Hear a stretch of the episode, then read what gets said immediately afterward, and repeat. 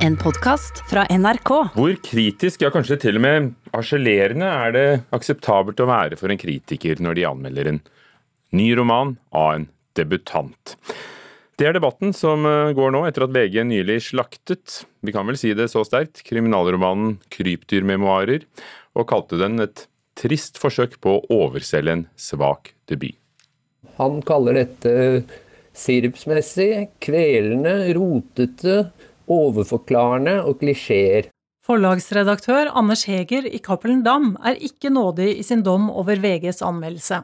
Selv om det ikke er hans forlag som har gitt ut boka 'Krypdyrmemoarer'. Den eh, er en måte å omtale det kunstneriske produktet til en ung debutant på som VG burde heve seg høyt over. Boka er skrevet av Silje O. Ulstein.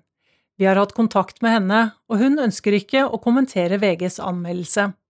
Boka er hennes første, og hun gjør et uvant grep. Altså det er et premiss i plottet her at man må akseptere at en av uh, hovedpersonene har et uh, veldig intimt, nært, uh, nesten telepatisk forhold til pytonslangen sin. Sier professor i nordisk litteratur Eirik Vassenden.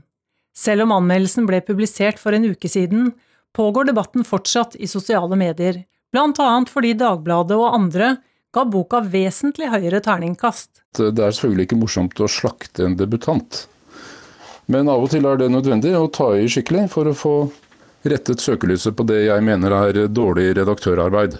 Sier anmelder i VG Sindre Hovdenak. Men måten den er skrevet på, viser at han syns det åpenbart er virkelig morsomt å slakte denne boka. Eh, denne boken er etter, mitt, eh, etter min oppfatning en sterkt oppskrytt og voldsomt oversolgt eh, debutroman, og det er forlagets ansvar. VGs Sindre Hovdenak sier også i anmeldelsen at forfatteren av Krypdyrmemoarer er en oppskrytt thrillerdebutant, og at boka er en buklanding med smak av pyton og mener dette er positivt. Og så kan man jo si at han gjør det med de, beste hensikter, fordi han uh, mener at uh, her er det forlaget som skal tas, og at denne debutanten kunne fått uh, mer hjelp til å rydde i, manuset sitt osv. Da må man skrive noe som på en eller annen måte er konstruktivt, veiledende overfor leserne. Eirik Vassenden er enig i at VGs anmelder kunne vært klarere på hva som ikke er bra, men mener at det som nå skjer, er at vi krangler om det vi ikke liker, på en sivilisert måte, og det bør vi gjøre mer av,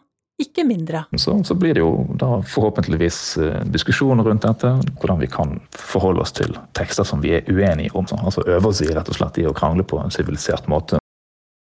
Og reporter var Elisabeth Grøndal. Da er Fredagspanelet samlet. Aksel Stenius, forfatter og dramatiker, god morgen. God morgen, god morgen. Sigrid Hvitsten, kulturredaktør i Dagbladet. God morgen. Torbjørn Urfjell, direktør for kultur i Kristiansand kommune i Kristiansand. God morgen. Du var der, det var godt. Det er det. Vi begynner der vi slapp. Hvor hard i klypa går det an å være overfor en debutant eh, som kritiker? Vi hørte om krypdyrmemoarer som fikk terningkast to i VG, men sekser i Dagbladet. Bør anmeldere og dette er spørsmålet, bør anmeldere ta frem silkehanskene når de vurderer unge debutanter? Aksel Estenius. Nei. Sigrid? Nei. Torbjørn Ufjell? Nei. Shit, så enig vi var der, da. Oi, oi, oi. Det her var ikke bra. Men du kan ikke spørre kulturfolk om silkehansker, vet du. Det er jo Silkehansker de bruker vi på scenen, eller kanskje på operaball. Og, og eh, det der eh, med å ha sofistikert krangel, det er jo det ofte kulturlivet ønsker seg. Så anmeldelsen var ikke så brutal, den, og forfatteren er ikke så ung. Hun er 35 år. Eh, så dette må man tåle. Man må tåle å bære både toer og sekser i denne sammenhengen. Og først og fremst er det en kilevink til, til forlaget. Aksel Stenius, du, du, har jo selv skrevet både filmer og bøker, og en gang var din første? Ja, men jeg har aldri debutert, fant jeg ut. Så jeg, Alle driver og debuterer hele tiden og sånt. Og jeg har bare skrevet masse, men jeg har aldri debutert. Så det er bare det å være debutant. De bare kom? Ja, de bare kom. Så jeg syns jo hun Nullstein formulerer dette godt selv. Altså At hun eh, er veldig glad for at boken kommer ut, det er jo nærmest en sensasjon. At du får ut en bok i dag, det er en kjempegreie. At den, også, det står jo i hvert fall her at den blir solgt i utlandet, helt utrolig. At den får kritikker i mange store aviser, det er jo helt vanvittig. Så som hun sier, dette her er fantastisk.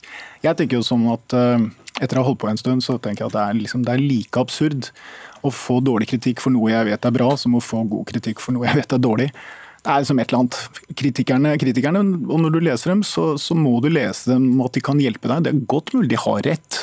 Selv om du liksom er midt inn i prosjektet nå og mener at du har skrevet verdens beste bok, så kan det hende at de sier noe som gjør at du kan skrive enda bedre neste gang. Og da er en toer nyttigere enn en sekser?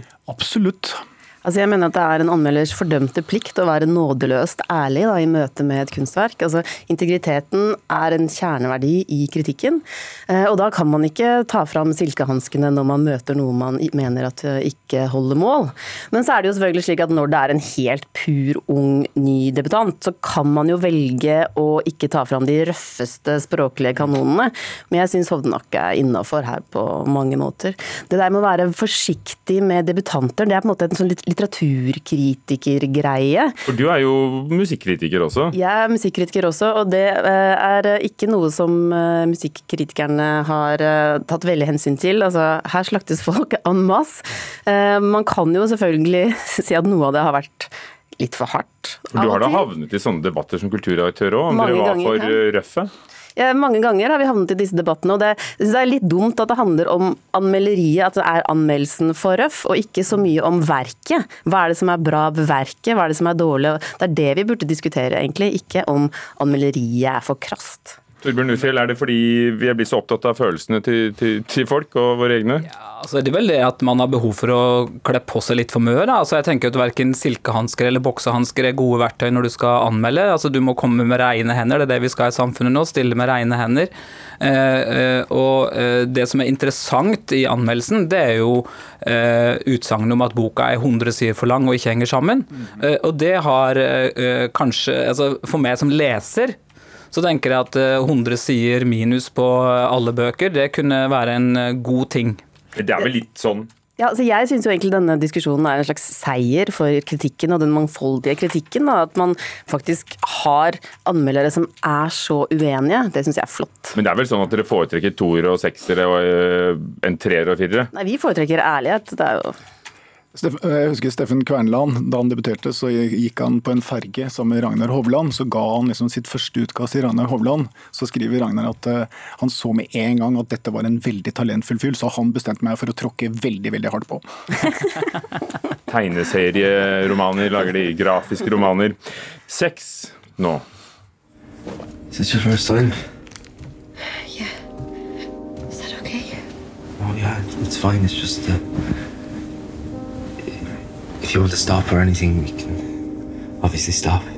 I doubt I'll want that.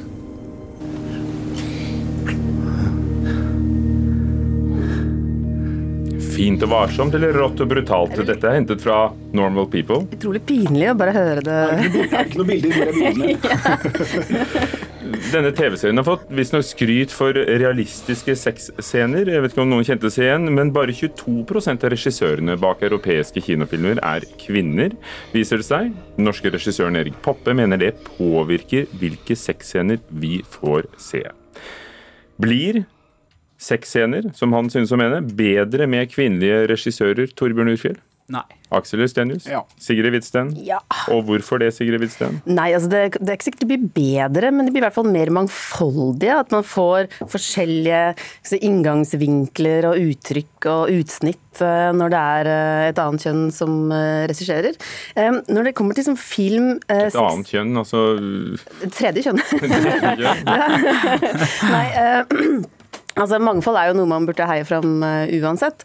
Uh, jeg tenker at det uh, er helt klart at det har mye å si, men jeg syns også at bommer litt. For jeg syns at de siste kanskje fem-ti årene så har vi hatt en ganske heftig utvikling når det kommer til å vise sexscener på TV spesielt, og utforskningen av kanskje veldig mye som pinlig sex og annerledes sex.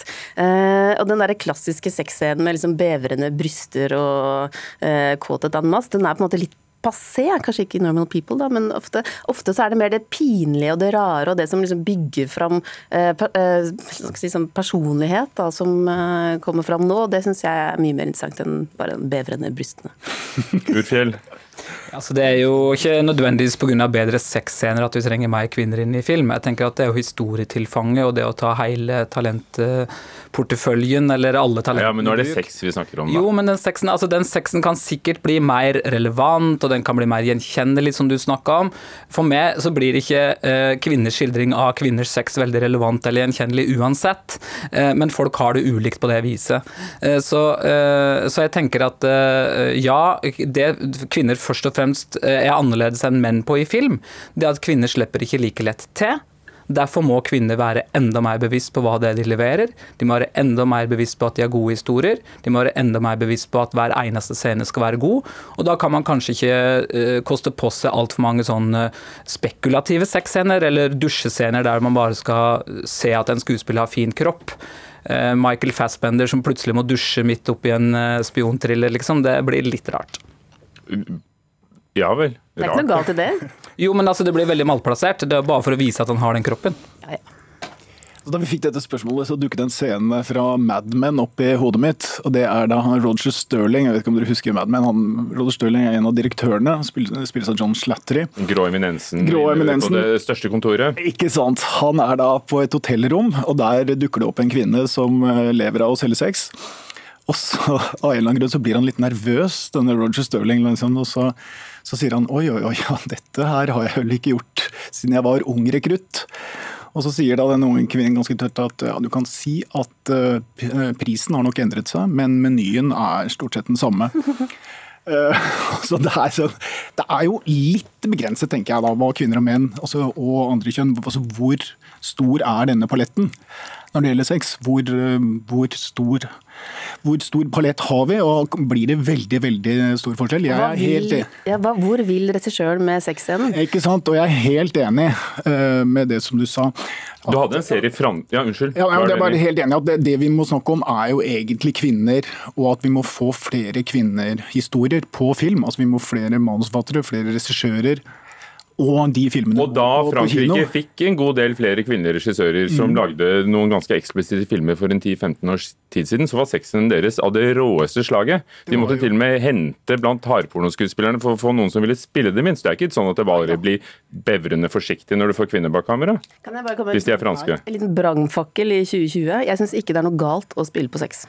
Spill på sex, kjør på. Altså, sex er en kjempeviktig del av samfunnet. Spill på Urfjell, sex. Kan nakenhet, også om det er Michael Fassbender i dusjen, ha en funksjon på film, eller er det bare for å tekkes? For meg, jeg syns det er fint å se Michael Fassbender eh, naken på film, men eh, det har ikke veldig stor funksjon for, for å fortelle historien om eh, Altså, det trekker jo min oppmerksomhet vekk fra historien og over på noe annet. Vi kunne fortsatt, men vi gjør ikke det. Vi skal uh, bare høre veldig kort om Facebook, som vi alle kjenner. Som ifølge noen ikke gjør nok for å slette hatefulle ytringer. Det mener i hvert fall grunnleggeren av Stormberg, det er de med turtøyet. Uh, han er med i Ytringsfrihetskommisjonen og sa dette. Og Grunnen til at ikke de prioriterer det i Norge, er antageligvis det at ikke de risikerer gigantbøter, sånn som de gjør f.eks. i Tyskland. Bør vi se til Tyskland? Der risikerer Facebook bøter på opptil 500 millioner kroner hvis de ikke fjerner hatefullt innhold innen ett døgn. Bør også Norge gjøre dette? Ja. Nei. Ja. Nei, altså Det kan godt hende at jeg kommer til å skifte mening om dette her. Dette her er et kjempe vanskelig spørsmål, syns jeg. Og jeg mener jo helt klart at uh, Facebook bør skattlegges, men ikke nødvendigvis uh, bøtelegges. Uh, og jeg har stor sympati for Steinar Olsen og hans si, opplevelse av å bli hetset på nett, som jeg tror kanskje Urfjell vet mye om siden han bor der nede i sør. men likevel så er jeg ikke sikker på om dette er den riktige løsningen. Om, om, det er egentlig gjennomførbart på en ordentlig måte.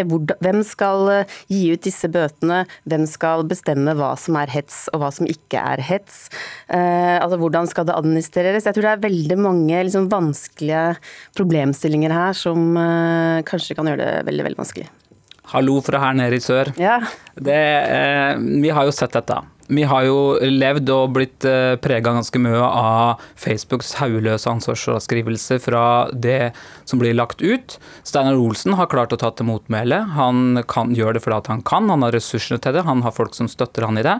Eh, og han har fått eh, to, to dommer, én sivilrettslig og én strafferettslig, eller eh, avgjørelser, eh, som eh, stopper folk som hetser og sjikanerer. Eh, men det handler jo om eh, at han må ta initiativet overfor den som hetser. Eh, Facebook må ta mer ansvar. Det må lønne seg å ta ansvar for å slutte å være en søppelplass eller utskytingsrampe for løgn og, bedrag, som det det er verdt. Så, og hets og hatefulle, eller hatefulle ytringer og diskriminering det er jo ganske godt definert i lovverket og veldig strengt. Det som er mer problematisk, det er jo når det da går på krenking, løgn, det å fjerne forfalskninger, som jeg eh, ser Tyskland eh, er inne og gjør noe med. Aksel Helstenius. Ja, nei, Jeg er bare veldig veldig enig, egentlig enig med begge to. Det, det som jeg hang meg opp i når det gjelder den, eh, den eh, var jo på en måte et annet av poengene hans. For det første så begynte jeg da å lese meg nedover på kommentarfeltet, som var ganske interessant. For da dukket det opp en masse sinte menn, virker det som, som bare skrev om innvandring. Altså bare med én eneste gang. Så diskuterte ikke, og så begynte jeg å tenke det, Noe av det som jeg tok da som det viktigste, det er jo egentlig hva Facebook vet om oss. Og hva da, som Olsen kaller disse skjulte aktørene, får tilgang til. For det er ikke noen tvil om at Facebook vet jo også om alle små og store nettroll. De har jo full kontroll. Så det de også kan gjøre, sånn som jeg leser denne artikkelen, er at de kan jo på en måte altså Skjulte aktører, kanskje utenlandske stater, kan kjøpe informasjonen. Så de vet egentlig alt om disse nettrollene. Så kan de sende helt sånn knivskarp informasjon direkte til dem med masse falske nyheter med et ønske om å destabilisere, og de vet at det blir spredd videre. Og det, Dette har vi jo sett nå med Trump-valg, og vi har sett det på, på, mange andre områder også. Vi vet om disse russiske hackerne. Og Det er jo også noe av dette her, hva Facebook får, får greie på. Og Bør de da ha et større redaktøransvar? Ja, De bør i hvert fall bøtelegges for dette her. For dette, altså, Skadene kan jo være enorme hvis de bare får lov å fortsette. Så jeg mener Det bør jo kontrolleres på mange områder. Vi ser jo at det å påkalle samfunnsansvar, det er ikke nok. Vi ser at reguleringer, eller varsel om reguleringer, det virker. Det har vi sett på f.eks. innkjøp av norsk innhold på strømmetjenester. Eh, og vi kan se at det kan fungere på, på Facebook. Slik taler en, en, gammel politiker, bl.a. Brenner du inne med noe nå, Sigrid Witzøe? Nei, jeg bare tenker at Utgangspunktet mitt er vel egentlig at grensene for hets burde, gå igjen, eh, burde avgjøres av en domstol. Eh, ikke et en tenåring som sitter eh, på en kveldsjobb. Men altså, dette er jo på en måte Dere fredagspanel. ja. Fleste på Fredagspanelet avgjøres av, av, denne dommeren. Takk skal dere ha. Torbjørn Urfeld, direktør for kultur i Kristiansand. Aksel Stenius, forfatter, manusforfatter og mangt og meget. Og Sigrid Hvitsten, musikkritiker, men først og fremst kulturredaktør i Dagbladet. Du har hørt en podkast fra NRK. Hør flere podkaster og din favorittkanal i appen NRK Radio.